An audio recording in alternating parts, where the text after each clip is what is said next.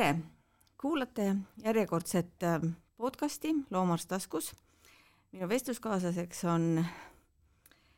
Enel Hakman ja ma ei oskagi sinu ametikohta praegu öelda. kuidas, kuidas sind peaks tituleerima ma ei tea, et kunagi ma sain mingi, mingi niisuguse klaasist asja, mille peal on loomaarst, et äkki, äkki siis loomaarst, et nagu, et ma olen Põllumajandus- ja Toiduametis olen palgal ja siis ma olen nagu äh, suurloomadega tegelenud tege-, tegelikult kõige suurematega nendest, et nagu kunagi ma olin äh, kunstikuseemenduse jaamas, kus mul olid pooleteisttonnised pullid ja, ja siis mingi kolmesaja, neljasaja kilosed kuldid ja siis ma olen üks kümmekond aastat väikemäletsejast ja meditsiiniga tegelenud ja ja et siis äh, mul vanemad ka loomaarstid, et talu, talusloomadega tegelenud ja nüüd ma siis äh, vaikselt juba päris väikeste loomadeni ka, et, et ikkagi loomaarst mingil määral. okei okay., no tegelikult äh, sinu tagasihoidlikkuse juures mina pean muidugi ütlema, et sina olid esimene inimene Eestis, kes sai tiitli aasta loomaarst. see oli kas mingi kaks tuhat kuus või kaks tuhat kaheksa, ma nüüd täpselt ei mäleta enam. see oli kaks tuhat kuus ja see oli jah ja,, väga ja., väga suur au. ja see oli minu esimene mälestus sinust, et, et noh, muidugi sa ei jätkuvalt üllatad mind, rääkides nendest pullidest ja kultidest, aga siis ma mäletan väga hästi seda, et et noh, ma teadsin, et sellise nii-öelda aunimetuse saab üks meie kolleeg, kes on käinud lennuki pealt vaktsiine külvamas. ja siis, kui ma nägin, kui pisike sa oled ja siis, kui ma veel sain teada, et suur osa sellest tööst tegid sa la last oodates või oma lapsi oodates, et siis ma ausalt öeldes olin ikka täiesti vaimustatud sinu selle, sellest, selleaegsest tegevusest ja ei, ma kindlasti olin sellel hetkel nagu kõige kaalukam kandidaat, et sest äh, vähemalt end-, ma andsin endast parima, et ja vastu võttes ma olin vist kas kaheksandat kuud rase, et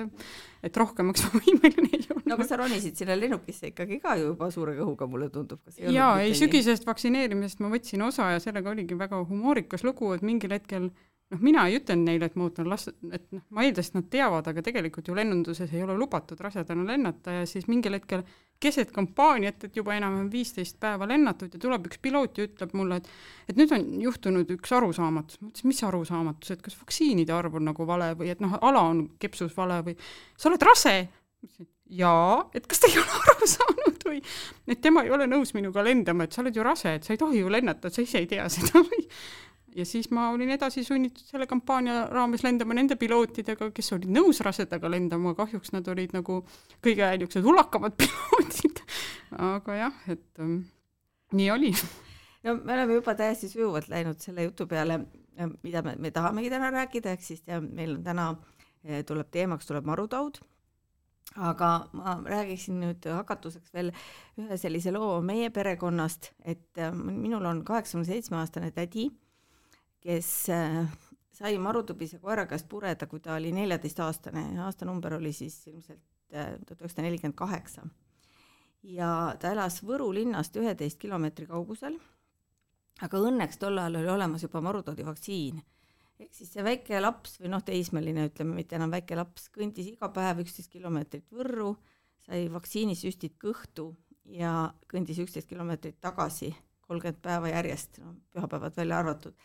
ta on rääkinud sellest, kuidas ta seisis seal tee otsal ja tundis, et ta noh, juba minna ei jaksa, noh tulles veel rääkimata, sest ega see vaktsiin ei ole nagu selline kergesti talutav. aga noh, elutahe õnneks sai tast võitu ja see jutt tuleb mulle alati meelde, kui ma kuulen mingisuguste vaktsiinivastaste inimeste, palun vabandust, mõttetut kraaksumist et minu armas tädi ei oleks elavate kirjas, kui tol ajal poleks olnud vaktsiine ja temal nii kõva tahe, et ta kõndis maha need kakskümmend kaks kilomeetrit iga päev. Eesti on marutoodivaba riik. ma tean, et see on tohutu suur sinupoolne panus, aga ka teiste loomaarstide poolne, kes ikkagi vaktsineerisid ja vaktsineerisid ja korrutasid seda juttu, et, et loomi tuleb vaktsineerida. nagu kaks küsimust sulle ja vastused tulevad ilmselt üsna pikad, kuidas me selle saavutasime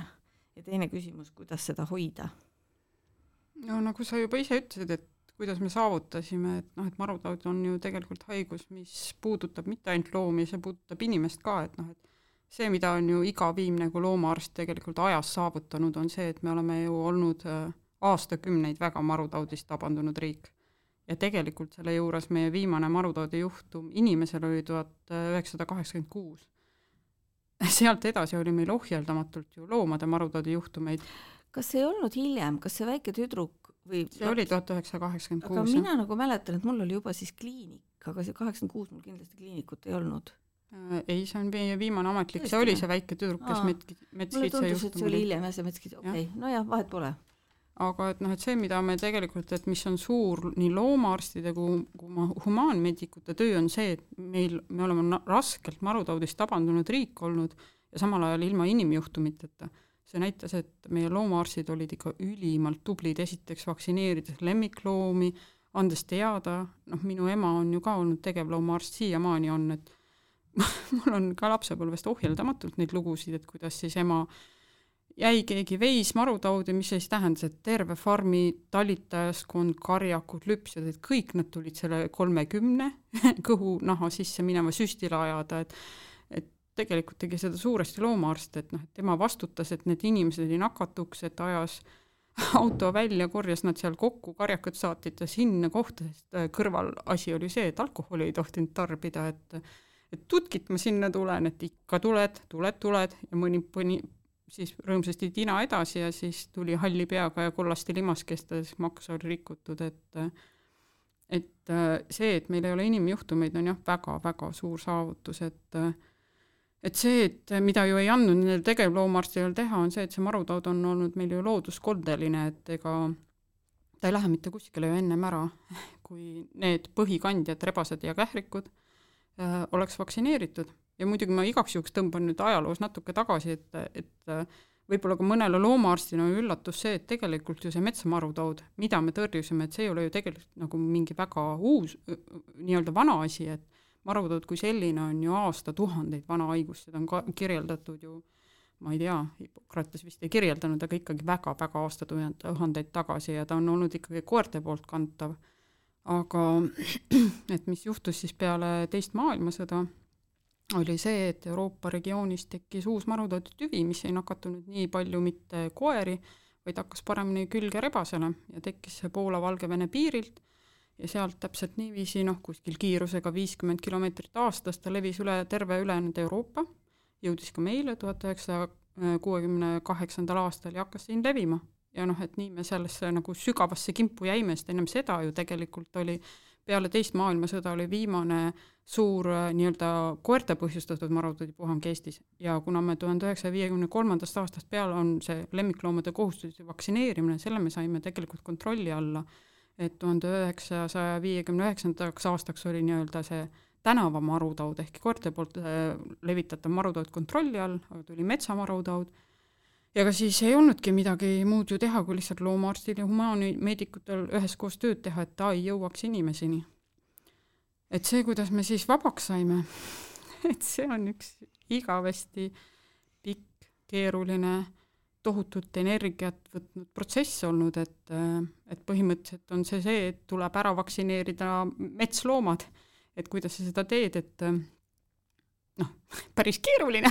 et tulge homme hommikul kell kümme, võtke ritta sinna metsanurka, meil on süstlad kaasas. karu, karu võiks olla see, kes kutsub, eks ole ma ei tea, mina ei läheks siis, et karu võib tulla. aga põhimõtteliselt jah, et see on nagu ainuke, mis on, on ikkagi nagu suukaudne vaktsineerimine ja see, see niisugune metoodika tööd, töötati välja juba tuhande üheksasaja seitsmekümne viiendast aastast peale Euroopas, et algul tõepoolest osad inimesed siiamaani arvavad, et me loobime kanapäid metsa, sest algselt see oligi, et süstiti põhimõtteliselt kana nii-öelda ajudesse see vaktsiin ja loobiti metsa kana, kanapäi, päid. Aga noh, siin nagu praeguseks ajaks on ikkagi tegu niisuguste vaktsiinikapslitega, mis on siis peibutusosasse ära äh, peidetud ja, ja noh, kuna Euroopas see protsess käis ikkagi päris pikalt, siis noh, me ei leiutanud jalgratast, et me üritasime ikkagi üle võtta seda nii-öelda parimat praktikat, mis mujal on. ja, ja, ja võtta parimast parim, et töötada välja niisugune programm, mis nagu tõesti on ennast õigustanud ja noh, algselt oli ikka päris palju vastasseisu, eriti jahimeeste hulgas, sest noh, tegu oli väga nagu kalli protseduuriga ja, ja jahimehed oleks hea meelega seda vaktsiini ise levitanud, aga noh, ka see maailmakogemus seda näitab, et seda ei ole tegelikult võimalik adekvaatselt niiviisi levitada kuidagi, et keegi kõnnib ja loobib, et noh, meie tegelikult alustasime seda kaks tuhat neli aastal, tegime nii-öelda katse Vormsi saarel kus me tõepoolest siis üheksakümmend kaks ruutkilomeetrit vist on Vormsi saar, et me tegime vaktsineerimiskampaania kohalike jahimeeste abiga, meie ametnikud tõesti jala ja autodega külvasid seda vaktsiini ja üheksakümmend kaks ruutkilomeetrit ja meil kulus selleks kolm päeva. et kui me lennukiga seda teeme, siis Vormsi saar vaktsineerib ära kuskil noh, poole, kolmveerand tunniga, et Eestimaa on nelikümmend viis tuhat ruutkilomeetrit, et siin ei ole küsimustki, et noh, Eestimaa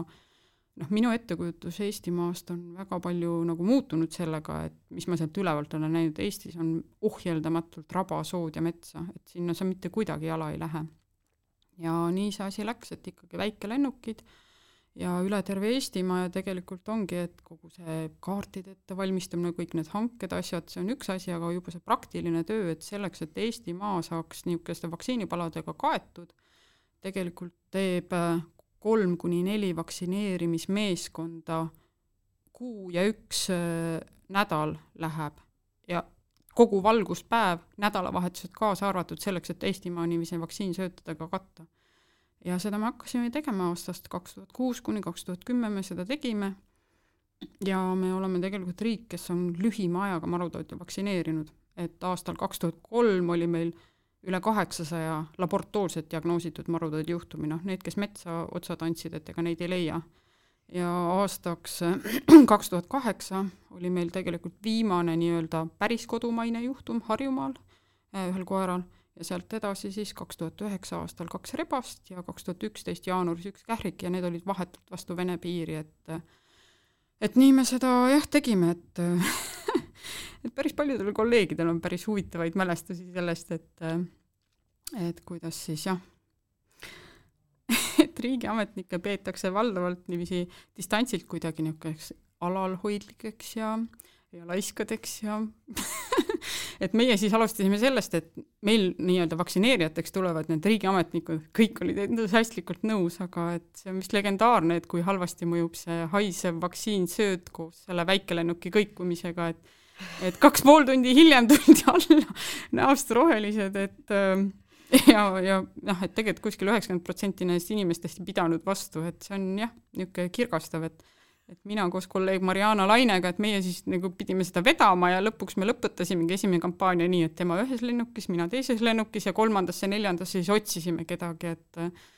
et jah, et see on niisugune väga suur protsess, aga me seda ikka oleme ju teinud aastaid. ja noh, et tulemus oli lihtsalt see, et marutood tegelikult me surusime ta sinna piiri taha tagasi ja sealt edasi me, kuna Läti hakkas küll meist varem pihta, aga vabaks sai hiljem, et siis me vaktsineerisime ainult Läti piiri ja Vene piiri ja noh, nüüd meil ei ole ju valikut, et naaberriik on armsasti marutoodi nakatunud, et see puhverala vaktsineerimine, ma arvan, et see jääb meile igavesti selleks rõõmuks, et ja noh, et kuidas seda hoida et ega see ongi, et ära lase sisse tagasi tulla, esiteks see metsloomade vaktsineerimist, ta saab tagasi sisse tulla nende metsloomadega, noh teine on see, mida saavad kõik loomaarstid edasi teha, kõik loomaomanikud edasi teha, et ärge palun tooge illegaalselt loomi maale, et ärge laske marutoodi levima, laske oma loomad ära vaktsineerida, et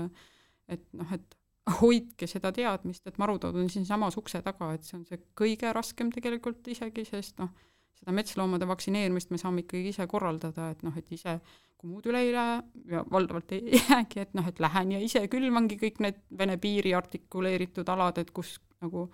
okseratas on kõige ulatuslikum, aga et noh, see, et inimesed vaktsineeriks oma lemmikloomi, et inimesed ei tegeleks illegaalse impordiga, et see on see kõige keerulisem selle kõige juures. no meid ju tegelikult päästabki natuke see, et, et meil on see Peipsi järv seal vahepeal, et meil on seda maapiiri natukene vähem kui võib-olla mõnel teisel riigil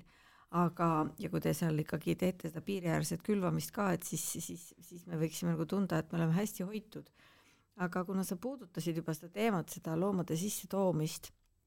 siis, siis kui me sinuga kokku leppisime seda jutuajamist, siis meil ei olnud üldse teada, et, et asi nii hulluks,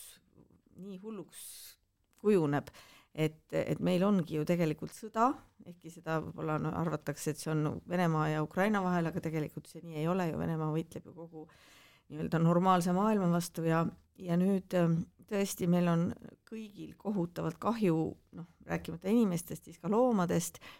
ja loomulikult on see soov neid loomi sealt aidata ja ära tuua. aga sellega seoses on ju väga suured probleemid et äh, üks asi on tõesti see, et, ähm, et Euroopa veterinaarametnikud leppisid väga kiiresti omavahel kokku, et need loomad, kes tulevad inimestega kaasa, et nende transpordiks reegleid lõdvendatakse, et noh,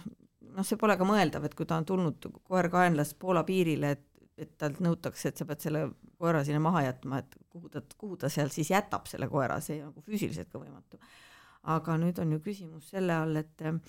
et on ka suur hulk äh, loomi, kes on seal lahti pääsenud, varjupaikadega on suured õnnetused juhtunud ja on väga suur surve neid ka päästa, aga sellega seoses tekib ikka meile ju suur oht, eks ole ju. ja ei loomulikult, et need on et ma seda sõjateemat isegi ei tahaks nagu kommenteerida. no ei ole mõtet jah, meie ja. saates praegu et aga noh, et ega igas situatsioonis, et meie ju oleme ikkagi samm sellest situatsioonist väljapoole, et tegelikult mis nagu maksaks teha, on säilitada nagu külm närv et ühelt poolt juba selle päästmise mõttes, et noh, et võtame, jätame isegi selle marutoodi teema kõrvale, et et noh, et keda me siis sellega päästame, kui me toome sealt varjupaigast ära väikebussiga paarkümmend looma. et me ei päästa ju tegelikult mitte kedagi, et noh, neid hulkurkoeli Ukrainas on olnud kogu aeg, neil on väga suured varjupaigad, et neil on ikka väga palju marutaudi, neil on samamoodi metsamarutaud, aga neil on mingil määral ka tänavamarutaudi, sest tõesti nad tegelevad nende hulkurloomadega, aga mingi osa loomi on kogu aeg tänaval, endiselt on koer tegelikult marutaudi maailmavaates põhikandja, et seal levib mär-, tänaval marutaud, levib metsas marutaud et kogu see sõjasituatsioon teeb seda marutaudialast olukorda halvemaks, aga loomulikult me ei taha ju kedagi ahistada sellega, et selleks me ju seda nagu leevendasime ka. aga mida me nagu lubame, on tõesti, et ainult nende omanikega kaasas olevad loomad, me saame aru, neil ei pruugi olla passi, võib-olla tõesti ei ole vaktsineeritud, sertifikaati ei ole, antikehade tiitrit ei ole, sellest kõigest me saame aru, aga vähemalt on kaasas omanik, kes nagu ikkagi teab, mis selle loomaga juhtunud on, millised on need riskid ja see loom on talle oluline, et ta vaatab oma looma järgi, et tuleb see loom siia, teeme kõik need protseduurid ära loomaarstide abiga, et et ma väga-väga tahan tänada kõiki neid loomaarste, kes juba siiamaani sellesse panustanud on, et et minu südamlik tänu teile, et aga aga jah, et need hulkurloomad, et neid ei ole tegelikult võimalik tuua, et esiteks ei ole see füüsiliselt nagu realistlik, teiseks põhjustatakse sellega suur marutaudi oht, marutaud on ju inimesele ka nagu nakkav et äh, juba praeguseks on teada juhtum, kus Ukrainast sisse toodud loom on inimest purenud. et need inimesed ohustavad nii meie loomapopulatsiooni, nad ohustavad eelkõige iseennast. et sellega tuleb ka arvestada, et sellises kriisisituatsioonis, et kui meie oleme juba ammu marutaudivaba riik, et noh, et riigil ei ole põhjust tohutuid, ma ei tea, seerumi või vaktsiinivarusid hoida, et noh, et et see on jah, et see on tegelikult täiesti lubamatu ja, ja kindlasti ei ole minu nii-öelda põhitöökoha ametil muud võimalust, kui seda asja piirata, me ei taha neid loomi eutaniseerida loomulikult, aga noh, see asi peab ära lõppema, need üksikjuhtumid, mis on toimunud ja me ei saa neid olematuks teha, aga kindlasti oleks sõnum kõigile loomaarstidele ka, et kui te teate neid juhtumeid, palun andke teada, et me ei taha mitte kedagi ahistada, me ei tee kellelegi midagi liiga, me ei hakka neid niigi traumeeritud inimesi rohkem traumeerima ainuke, mis me soovime, on tõesti neid aidata, me teeme kõik need protseduurid ära, loomaarste on terve punt taha tulnud, kes on nõus neid loomi nii vaktsineerima, kiipima tasuta, ravima tasuta, et me tahame aidata, aga me kindlasti ei saa antud situatsioonis jätta oma nagu inimesi ja loomi kaitseta, sest tegelikult meil on ju mitmeaastane koroonakriis olnud, et kõikide ravimite kättesaadavus, vaktsiinide kättesaadavus on halvenenud, me peame ka arvestama sellega, et meil juhul, kui see marutaud siin lahti läheb, meil on väga piiratud võimalused sellele samamoodi reageerida kui võib-olla kümme aastat tagasi. aga noh, ilmselt võib ka juhtuda selliseid asju, et et see vaene loom pääseb koos oma omanikuga küll sinna Poola piirini, aga ta aga ta millegipärast noh, ei, ma ei tea, ei mahu bussi, ei mahu autosse, kaob ära, jookseb ära hirmus, eks. et, et ma ei, täpselt ei tea, mis seal Poola piiril nüüd loomadega täpselt sünnib, aga sinna võib ka tekkida tegelikult ju mingisugune hulkuvate loomade koloonia, et kas ähm, võib-olla rahvusvaheliselt võiks olla mingisugune seda tüüpi abi et oleks võimalik need koerad seal ja kassid seal Poola piiri läheduses kokku korjata ja, ja seal neid siis selekteerida ja hoida, et nad noh, sest kui nad hakkavad seal piiri, piirkonnas ka vabalt jooksma, siis see on ka ohtlik kõikidele nendele piiri ületavatele inimestele. et võib-olla see oleks nagu mingi selline rahvusvahelise veterinaarkonna, võiks olla mingi ühine projekt, et luuagi mingisugused sellised ka loomadele sellised selektsioonipunktid, siis nad ei, siis nad ei peakski tulema nagu sealt Poolast kaugemale, sest Poolal on ju kohutav surve praegu, Poola on ju ikka väga-väga hädas tegelikult. ja ei, Poolal on väga suur surve ja kindlasti ma tean, et täna on nagu Euroopa Liidu veterinaar, pea, veterinaararsti nõupidamine, kindlasti seda teemat seal käsitletakse väga põhjalikult ja poolakad on olnud nagu väga tublid, et nad on pannud välja veterinaariarühmad, kes vaktsineerivad neid koeri ja kasse seal piiril, aga noh, arvestades situatsiooni, et see tegelikult on ju hõlmamatu ja hoomamatu, et kõik teevad endast parima ja noh, kui nüüd jälle astuda samm tagasi ja vaadata lihtsalt nagu Euroopa kaardi poole, siis Poolal on nii-öelda väga vähe kaotada, nad on nagunii marutaudiga juba eelmine kevad taas nakatusid, et et nendel on marutaud rõõmsasti juba noh, Varssavini välja levinud, et et noh, Ungaril, Slovakkial ja nemad on marutaudivaba riigid, et noh, nende jaoks ma arvan, et see on probleemne, kui Ukraina varjupaigad sinna tehtakse, aga kindlasti ei ole see hea tahte puhul võimatu, sest noh, tegelikult olgem ausad, et ega need inimesed ei jäta ju neid loomi maha hea meelega, et kõik need, kes kaasa võtavad oma loomad, nad ju tulevad selle lootusega, et nad lähevad ikkagi nende loomadega tagasi. aga noh, need loomad, kes on omanikud, et hakata neid tohutuid vahemaid tassima kuskile eemale, et kindlasti oleks see üks antud situatsioonis kõige realistlikum lahendus ja see lõpetaks tõenäoliselt ka sellist asendustegevust, et lähen oma bussiga, toon loomad siia, et no kogu selle ressursiga annaks ju koha peal palju rohkemat teha, et teeks nagu ikka neid asju, mis on mõtestatud, mis tõepoolest päästab võimalikult palju loomi, teeb noh, ikkagi üldjoontes head, sest äh, jaa, et noh, me ju keegi ei tea, millega see kõik lõpeb et tulebki nagu teha otsuseid sammu kaupa, aga kindlasti on see samm, et lähen toon mingid loomad lihtsalt kuskile asukohta X nagu kõige vähem jätkusuutlik samm üldse. ja, ja noh, mis on Ukrainas veel seal nendes sõjakolletes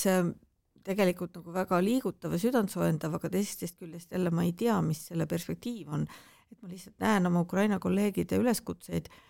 et anda teada, et kus on loomad hädas et, et noh, tõesti seal loodi tohutu kiirusega selline organisatsioon nagu Soopatrull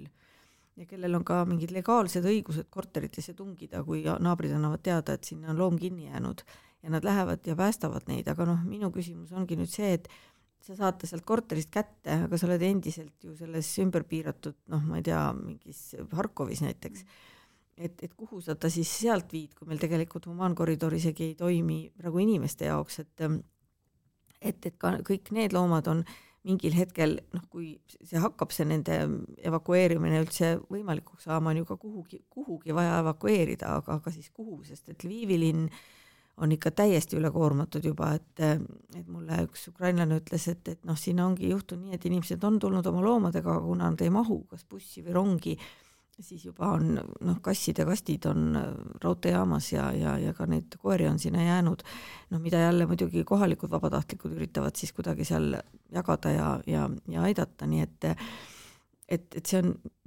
nii suur, nii suur probleem, et jah, selle paari looma äratoomisega me seda ei lahenda. ja tegelikult täna mulle üldse selgus veel üks asi, mille peale ma polnud mõelnud noh, ma olin kogu aeg mõelnud selle peale, et, et vaesed äh, kasvatajad, kellel on praegu kutsikad, et äh, mis nemad siis teevad ja mis nendest saab ja, ja tegelikult neid kutsikaid, isegi kui ta on sõjast mitte kahjustatud piirkonnas, siis praegu Ukrainast ma ei kujuta ette, kas see kasvataja saabki nende kutsikatega üldse välja, sest see ju läheks nagu juba kaubanduse alla, aga tegelikult on lubatud ju kaasa võtta oma isiklik loom või, või kuidas me kuidas sellesse peaks nagu üldse suhtuma või mis me, mis me sellega peaksime tegema, selle asjaga? no tõenäoliselt ma arvan, et kõige mõttekam, et kui niisugust infot üldse levitada, siis ikkagi noh, inimesed ikkagi pöörduks neile sihtriigi poole, et tegelikult on olemas need taotlusvormid, millega endast teada anda, et tegelikult on läbi selle taotlusvormi võimalus see informatsioon ju ette saata mm. -hmm. et noh, kõige olulisem aspekt on ikka see, et noh, et kellele see loom kuulub, kas see inimene on võimeline enda eest vastutama ja mis tal sellel, noh, mis on konkreetsed asjaolud, et noh, et me ju ei ole ka, ma ei tea, riigiametis mingid julmurid, et noh, et äh, kui inimene pöördub, et teate, mul on kutsikad, mul on ilusti vaktsineeritud ema, et mul on isegi võib-olla antikehade tiiter määratud, et noh, et ma elan selles kohas, ma vastutan nende loomade eest, et kindlasti leitakse mingid lahendused mm. -hmm et noh, et äh, kui erisus puudutab ikkagi nagu nii-öelda omanikega kaasas olevaid loomi, siis ma ei usu, et noh, et keegi hakkaks neid tagasi lükkama, neid kutsikaid yeah., aga lihtsalt, et jaa, et noh, kurb on see, et üsna paljud inimesed kasutavadki seda nii-öelda teiste noh, riikide ametite heatahtlikkust ära, et just seda tuleks nagu vältida jah, et jaa, loomulikult see tundub nagu, et oleks kauplemine, aga noh, et see ongi ikkagi pigem situatsioonipõhine, et see isegi ma arvan, et hetkel ikkagi nii väga ei vaadata seda nii-öelda arvu, vaid seda nagu nõuetekohasust sellises situatsioonis, no selge on ju see, kui bussitäis tuleb koeri, siis nad ei ole ju kellegi nii-öelda otseses omanduses, et noh, et nad on ju ilmselgelt kuskilt nii-öelda yeah. X-staatusega kokku korjatud loomad. aga kas see üldse, ma ei ole seda ausalt öeldes uurinud, kuna mul ei ole see niisugust isiklikku huvi olnud, et kas tõesti see oligi see seadus niimoodi, et Euroopa Liidu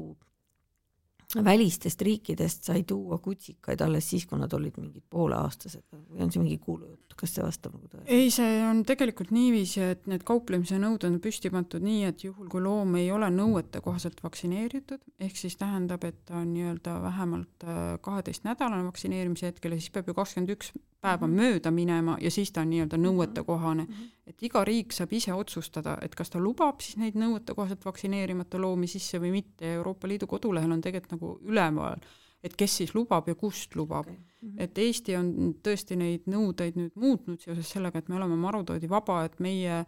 tõesti e, lubame, lubame niisuguseid mittenõuetekohaseid loomi sisse ainult teistest Euroopa Liidu liikmesriikidest, et kolmandatest riikidest me ei luba ja just sellepärast, et lihtsalt, et äh, hoida kontrolli all seda marutoodi riski mm. -hmm. et see on jah, et äh, see on nüüd see osa, mis on iga riigi nagu oma otsustusse antud ja iga riik otsustab seda ise, et kuidas ta siis toimib, et üsna paljud siiski on otsustanud, et nad pigem ei luba niisuguseid loomi. aga näiteks ütleme enne sõda kui ma oleks tahtnud omale tuua kutsikat ähm, noh, Ukrainast või Venemaalt, siis äh, oleks see olnud okei okay,, et ta on äh, kaheteistnädalaselt marutoodi vastu vaktsineeritud, ma ootan kolm nädalat, noh, ta on kiibitud loomulikult, tal on pass mm -hmm. ja, ja siis vist oli nõutud seal ka äkki veterinaarsertifikaat omal ajal, eks ole. Et... ja siis ma tegelikult, noh, mis ma siis panen sinna, see on ju kolm nädalat, kaheteist nädala kolm nädalat otsa, see on siis ju issand, ma ei suuda arvutadagi isegi praegu viisteist, no see on ju veel täitsa okei okay, kutsikas, see, see ei ole mingi küll, poole aasta jutt, et see poole aasta jutt on ilmselt mingi. ikkagi pigem räägime me kuskil neljandast kuust, seal ja, lihtsalt see erisus, et Ukrainast peab olema ka antikehade tiiter nagu uuritud, mis paneb kohe pikema aja otsa, Venemaalt ei pea, et noh, et no mis see... oli jälle muidugi, andke andeks, täiesti mõttetu, miks me arvame, et Ukraina marutood on hullem kui Vene, aga noh, ärme lähe poliitikasse praegu nõus jah, okei okay., no ja siis sealt sinna tuleb jah, veel mingi kuu aega otsa, no tegelikult siis ikka jah, peaaegu viiekuuselt, ega ta ikka varem ei saanud tulla küll jah. mis muidugi tähendab seda, et tohutult võltsiti pabereid. jah, jah, nii et see on, noh, see on nagu selge et alati peab kõikide seaduste juures vaatama seda, et kas nad ka nagu töötavad, aga noh, see ei ole praegu ja. enam aktuaalne antud hetkel ilmselt. Me saame aidata, me saame aidata igaüks. Ehm, ma arvan, et põhiliselt sellega, et tegelikult annaks õigetesse organisatsioonidesse, õigetele inimestele rahalist toetust, sest et ka toidu viimine piirile lihtsalt niisama kottidega vist ei ole nii mõjus kui see, et nii-öelda seda tsentraliseeritud korraldatakse ja Ukrainas sees veel toitu on, ma olen aru saanud, et nende põhiprobleem on transport. me saame aidata sellega, et me vaktsineerime, vaatame üle oma loomade passid, et me vaktsineerime oma loomi, eks ole ju ja ei, kindlasti see on üks asi, et noh, et kõik, kes tahavad Eestis nagu aidata, kes tahavad neid loomi vastu võtta, et noh, et aidake kõigepealt iseennast, et vaadake üle, kas teie kass ja koer on vaktsineeritud, et ka kõikidele loomaarstidele palve, et noh, et pöörake sellele tähelepanu. et jaa, kui ennem võis nagu kuidagi noh, mitte sellele tähelepanu pöörata, sest tegelikult peaks nagu loomaarstid ikkagi ennast hetkel väga puudutatuna tundma, sest see ei ole ju nagu tavasituatsioon ka meie jaoks, et see on ju teada, et noh, et lemmikloomadega tegeledes ega